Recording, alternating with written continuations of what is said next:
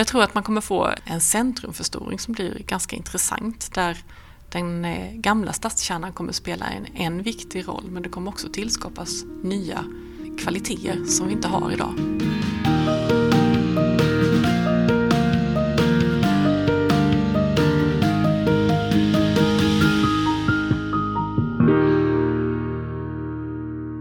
Det brukar ju heta att kärt barn har många namn. Och även om begreppet stadskärna numera är ganska etablerat så är vi nog ganska många som till vardags säger någonting annat. En högst ovetenskaplig undersökning från min sida visar att de allra flesta nog, precis som jag själv, säger stan. Även om i alla fall en Halmstadbo en gång i tiden sa city. Visst minns vi väl när Per Gessle tog cykeln ner till city när bussen slutat gå? Men oavsett om man säger stan, centrum, city eller stadskärna så har ryktet om dess nära förestående död cirkulerat ett tag nu, inte minst i Halmstad. Så i det här temat av Halmstad växer, podden där vi riktar blicken mot 2050, så tänkte jag ta mig an stadskärnans framtid. Jag heter Linda Thulin och jag är anlitad av Halmstad kommun för att göra den här podden. Här vill vi belysa ämnen ur flera olika perspektiv med människor som har olika utgångspunkt och kunskap när det gäller det aktuella temat. Därför gör vi fem avsnitt om varje tema, fyra intervjuer med olika personer och så det här avstampsavsnittet. Här får du en bakgrund kring det aktuella temat. Lite dåtid, lite nutid och lite framtid. Vi Halmstadbor vi har de senaste åren fått höra ganska mycket om det ödsliga centrum så här lät det till exempel 2020 när Sveriges Radios program Stadsinspektionen besökte stan och programledaren Mark Isit, han var nästintill chockad. Det har, det har stått så där i tre år. Ja. ja. men herregud, här är ju nästan fler stängda butiker än vad det är öppna. Exakt. Där är en till. Ja, men fan, jag blir förbannad. Alltså, men då måste man ju från politikerhåll eller någonting. Det här är ju, det är ju krisläge. Ja, det var ord och inga visor. Och det var förstås fler som insåg det här och har gjort ganska länge. Men det är en svår och komplex fråga som långt ifrån bara Halmstad sliter med. Ändrade shoppingvanor, som började med externa varuhus, fortsatte med näthandel och sen kulminerade med pandemin, har ändrat förutsättningarna för många stadskärnor. Och nu försöker man möta framtiden med nya grepp och det här ska vi alltså prata mer om de närmsta avsnitten. Men så ska man ju också, precis som vanligt, komma ihåg att det här inte är första gången som stadskärnorna har ställts inför utmaningar. I begynnelsen var det stadskärnan själva staden. Alltså de var typ samma sak eftersom det ju var allt som fanns.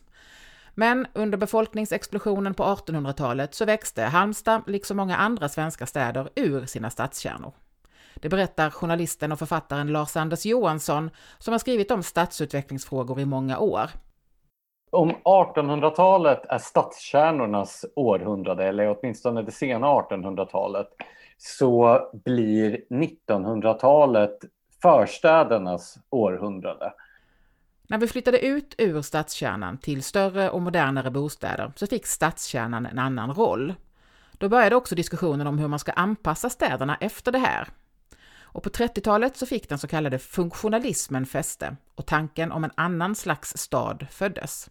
Funktionalisterna har en idé om en ny människa.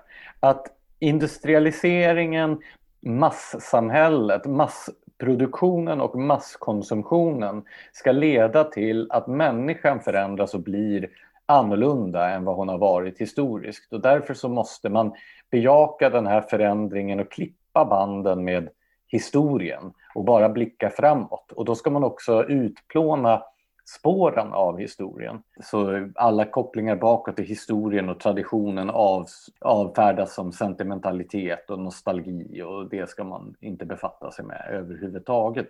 Så det är en otroligt radikal ideologi. Första gången funktionalismen visades upp i ett bredare sammanhang, det var på Stockholmsutställningen 1930. Då fick den inte så brett genomslag, delvis förstås på grund av att det kom ett krig i vägen. Men efter världskriget, när det svenska folkhemmet skulle byggas upp, så passade de funktionalistiska idealen ganska bra ihop med tanken om att Sverige skulle bli världens modernaste land. Utställningen 1930, den möter ju ganska ljummet gensvar hos allmänheten. Däremot så får funktionalismen ett starkt genomslag i arkitektkåren. Och i princip hela den svenska arkitektkåren lämnar sina tidigare ideal, alltså 20-talsklassicismen, för funktionalismen under 1930-talet. Men sen får ju då funktionalismen ett extra starkt genomslag i Sverige på grund av att arbetarrörelsen väljer att göra funktionalismen till sin estetiska ideologi. Det här hänger då delvis samband med att Kooperativa förbundet, alltså Coop, hade ett eget arkitektkontor som var banbrytande, som var pionjärer inom då funktionalismen. För funktionalismen i sig hör inte hemma på höger-vänsterskalan. I till exempel USA är det i mångt och mycket näringslivet som är pådrivande för de funktionalistiska idealen. Men i Sverige specifikt så kommer det här att förknippas med det socialdemokratiska folkhemsprojektet. Bostäderna som byggs enligt funktionalistiska ideal, de finns det anledning att återkomma till. Men i det här temat så är det konsekvenserna för stadskärnan som gör det intressant att prata om funktionalismen. För det var ju på grund av den som det praktiskt taget skövlades byggnader i de svenska stadskärnorna under 60-talet. Gamla anrika 1800-talshus ersattes av stora grå kolosser som inte så många skärmas av idag. Den här stadskärnan så som den hade sett ut tidigare, den som byggdes enligt mönster från Paris, den förknippades ju med gammaldags borgerliga ideal. Och det var den här förorten som, som var det nya, det moderna. Sen så fanns det ju också en slags symbolik i att man rev de här 1800-talspalatsen ofta för att bygga just åt Kooperativa förbundet, deras varuhus. Där finns det ju en slags sammansmältning mellan arbetarrörelsens civilsamhällesgrenar som KF och då eh, det politiska styret där kommunalråden och KF hade väldigt nära band och möjliggjorde då att man kunde riva hus som stod på de mest attraktiva tomterna för att smälla upp de här varuhusen. En tragikomisk anekdot som cirkulerar när det gäller rivningarna i stadskärnorna, det är den om de utländska turisterna som kom till Stockholm och förfasades över hur mycket kriget hade förstört i stan. De utgick från att det precis som i flera andra europeiska städer var kriget som låg bakom att så många gamla hus var helt borta. Så kan det gå. Under 80-talet så började man återigen se stadskärnan som en bostadsplats utöver att vara handelsplats och kontorsplats. Och sen får man väl säga att det sedan 90-talet framförallt har varit konkurrensen utifrån som har varit stadskärnornas problem. Inte minst gäller det de så kallade externa varuhusen. Ja, den här dragningen utåt har ju varit eh, någonting som har gällt under hela efterkrigstiden egentligen. Det börjar ju med att man bygger de här bostadsförorterna utanför städerna. Så är tanken att man ska åka in till staden för att handla. Men sen så sker ju då en motsvarande process efter millennieskiftet utåt vad gäller handeln. Där eh, många av de stora detaljhandelskedjorna inser att det är mycket billigare att bygga storskaligt utanför och så får de med sig politikerna på tåget. Ja, det här var en stor fråga när jag började min journalistbana på Radio Halland i mitten av 90-talet. Då var det så här i Halmstad att man hade Eurostop, som ju nu är hallarna, men man började också planera för först flygstaden och sen också Stenalyckan. De som då var kritiska, de använde just argumentet att det här skulle bli citykärnans död. Det här var en debatt som såklart fanns i flera andra kommuner också. En kommun som stack ut, det var Varberg där man faktiskt fattade principbeslutet att säga nej till externa varuhus. Köpcentrumens vara eller icke vara kan man ju ha olika åsikter om. Lars-Anders Johansson, han tycker att utvecklingen har blivit lite bakvänd eftersom politikernas ambition att vara klimatsmarta och ta bort bilen från centrum riskerar att få motsatt effekt.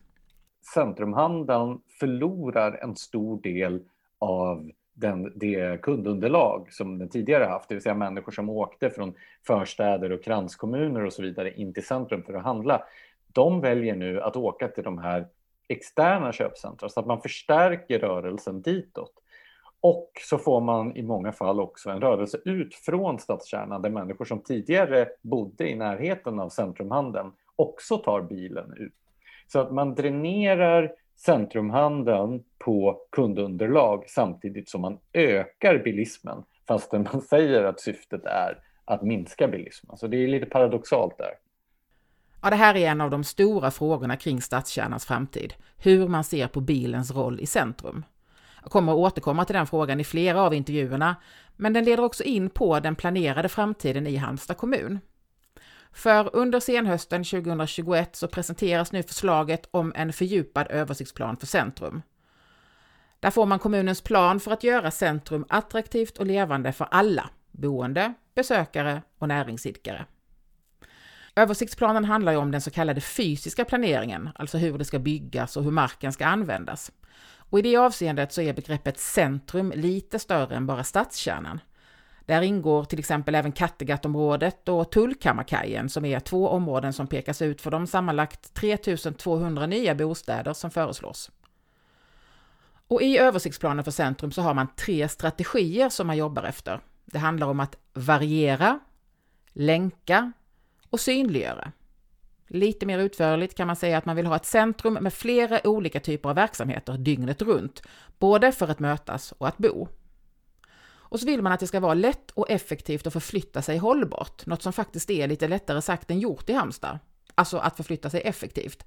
För en del av det som gör Halmstad så attraktivt har också i alla tider faktiskt inneburit svårigheter i stadsplaneringen. Det handlar förstås om havet, om Gallberget och inte minst Nissan. Med tiden så har också järnvägen och de större vägarna tillkommit, vilket gör att jobbet med att länka samman staden kommer att få stor betydelse. Och en av de som har jobbat med det här, det är planarkitekten Louise Järnek på Halmstad kommun.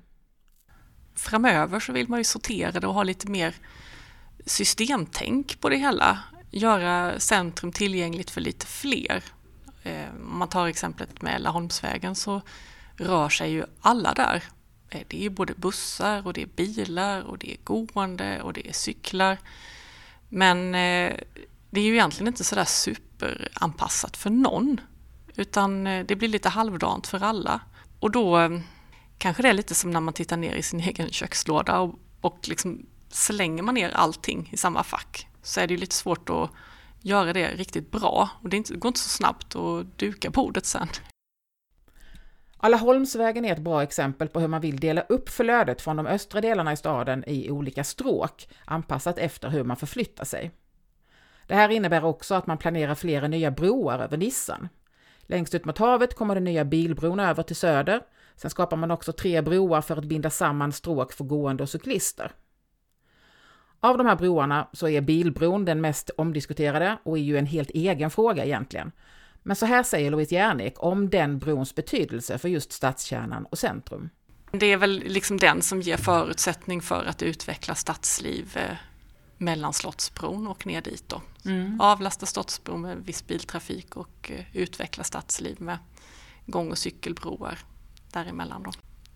Om stan överhuvudtaget ska ha möjlighet att växa och utnyttja de här områdena som är stationsnära till exempel vid Tullkammarkajen eller kring Kattegatt, då behöver vi tillskapa ny infrastruktur. För annars eh, har vi ju kvar Laholmsvägen med sin problematik som liksom skär av centrum. Och då har vi väl liksom sett att det är den lösningen vi har. Annars så får kommunen växa i någon annan riktning. I den här översiktsplanen så planerar man också att Laholmsvägen och Slottsbron ska användas mer som ett stråk för kollektivtrafik. Framöver ser man ju gärna att folk åker mer kollektivt och då behöver man ha liksom en effektivare framkomlighet för bussarna helt enkelt. Och eh, när nu biltrafiken avlastas från, eh, eller om nu biltrafiken avlastas ifrån eh, Laholmsvägen så är det ju fantastiskt bra om man kan använda den ytan till bussarna och skapa en effektiv busslinje. Tänk spårväg, körbuss. Det är en sån här som man går ut längs med den här bussgatan och så kommer det en buss inom fem minuter i någon riktning när det sen gäller de nya cykelbroarna så blir det två stycken söder om Slottsbron, alltså mellan Slottsbron och den nya bilbron. Och det är ju ganska logiskt för att binda samman stationsområdet och Tullkammarkajen med centrum. Speciellt om man lyckas lösa knuten med övergången vid slottet, vilket man håller på att jobba med. Möjligen kan man höja lite mer på ögonbrynen åt ytterligare en bro mellan de två som idag ligger med bara några hundra meters mellanrum utmed Nissa strand. Men så här säger Louise Järnek om den bron. Det har vi tittat på både i det här Bastionsprojektet och sen också lite med beroende på att det är en ganska aktiv del av eh, östra Halmstad som ligger där kopplad till eh, Linnéparken och förlängningen Linnégatan och upp mot Nyhem. Och eh, de delarna av stan är väldigt tättbebyggda, har dålig tillgång till grönt så att man kan se en utväxling på det sättet att skapa liksom en närhet till centrum och framförallt till de gröna områdena. Så det ska bli mer attraktivt att gå, cykla och åka kollektivt. Och bilarna som ska passera stan ska ta den nya bron. Men hur blir det för bilarna i stan då? Det ska väl vara lite attraktivare att köra bil också på sitt sätt, fast man ska köra, göra det lite mer långsamt och man får samsas lite mer med de andra trafikslagen. I planen har vi inga planer på att ta bort eh, parkeringar för eh, bilar. Inte de här tillgängliga parkeringarna längs med gator och sånt, utan det finns eh, fortfarande framkomlighet för bilar. Däremot så eh, de här markparkeringarna som oftast är en ganska så visuellt liksom uttråkande upplevelse för den som går och cyklar. Där finns det planer på att ersätta dem. Att ta bort markparkeringarna till förmån för till exempel bostäder eller parkeringshus, det handlar om en helhetssyn, säger Louise Järnek. Prioriteringen är de här nya stråken som ska locka folk att vilja gå och cykla in till stan. Utmed dem ska det vara enkelt att fatta vart man ska, det ska kännas tryggt med liv och rörelse och många ögon på platsen, som Louise Jernicke uttrycker det. Och så ska det helst vara vackert också. Det som krävs för en gång och cykeltrafikant för att han ska vilja gå och cykla en sträcka, det är ju variation och att man ser vackra saker så att det känns nära och att man lockas att röra sig. Så att det, det blir liksom stort fokus på höjd kvalitet i det, mm. det offentliga rummet. Mer att uppleva, mer att titta på. Och genom att skicka ut de här bilister och trafikanter som behöver röra sig lite snabbare i andra miljöer så möjliggör man ju för en attraktivare centrumkärna. Till sist så tänkte jag blicka lite mot vad som görs idag på olika håll för att rädda den på många håll krisande stadskärnan. Det finns många exempel, men om jag ska börja med ett som gäller landet i stort, så har Fastighetsägarna och Handelns utredningsinstitut just i år utvidgat sitt årliga cityindex. Så här efter pandemin så har man gjort en rapport om framtidens stadskärna ur flera perspektiv än bara shoppingen. Flera forskare medverkar och bland det som lyfts fram så finns bland annat kulturens betydelse för stadskärnan och hur viktig stadskärnan kan vara för att bryta ensamheten. På hemmaplan här i Halmstad så presenterade nyligen Halmstadbaserade arkitektbyrån White rapporten Centrumdrömmar. Där har en massa Halmstadbor intervjuats om hur de vill att city ska se ut framöver. Som namnet antyder så står drömmar och visioner högt i kurs där. Och på bilderna ur rapporten så kan man bland annat se linbanor över Nissan och en sandstrand på torget. Och visioner helt utan begränsningar spelar förstås en viktig roll när man vill utvecklas på ett spännande sätt. Men det gör också hårt och praktiskt arbete i vardagen. Det som Halmstads butiksägare, fastighetsägare och andra näringsidkare gör för att på sina respektive sätt locka fler till stan. Sedan 2013 så samverkar också Halmstad kommun, Halmstad cityförening och fastighetsägarna i projektet Stadens hjärta. En sån samverkan, konstaterar branschorganisationen Svenska stadskärnor, är så avgörande för en stad att man till och med kan bli certifierad för denna samverkan. Det kallas för en QM-märkning och en sån har Halmstad, liksom en annan certifiering från samma organisation som kallas Purple Flag. Den fokuserar på den så kallade kvällsekonomin och handlar bland annat om aktivt arbete med trygghetsfrågor. I övrigt så har krisen i Halmstad blivit ett rejält uppvaknande för flera aktörer, inte minst för fastighetsägarna. Och i en av intervjuerna så kan du höra fastighetsägaren Niklas Jansson om vägen till en ny, lite unik taktik. Det finns också en hel del forskning som nationalekonomen Oana Mihaescu berättar om i intervjun som jag har gjort med henne. Och sen har två Halmstadbor med helt olika perspektiv fått tänka kring stadskärnans framtid. Till sist så tror planarkitekten Louise Järnek att den nya centrumplanen kommer att vidga begreppet stadskärnan. En större del av stan kommer att uppfattas som central när det blir lättare att förflytta sig, tror hon. Ja, men det tror jag faktiskt definitivt. För det, det, det kommer ju att komma nya kvaliteter. Eh, Nissan som eh, tillgång med allt sitt fina båtliv och kajliv, strandpromenader. Det finns ju en fantastisk potential i att utveckla det. Till exempel. Och också sitt eh, läge som en eh, bostadsort där järnvägen angör så himla nära och med lite nya broar blir så himla lättillgänglig för många. Det skapar ju en hel del nya genheter både för de som bor på öster och väster. Jag tror att man kommer få en, eh, en centrumförstoring som blir ganska intressant där den gamla stadskärnan kommer spela en, en viktig roll men det kommer också tillskapas nya kvaliteter som vi inte har idag. Där sätter vi punkt för själva avstampet i temat om stadskärnan. Missa nu inte att det finns fyra separata intervjuer på det här temat att lyssna på där du hittade det här avsnittet. Halmstad växer produceras på uppdrag av Halmstad kommun. Susanne Ståhl är redaktör och jag heter Linda Thulin. Hej då!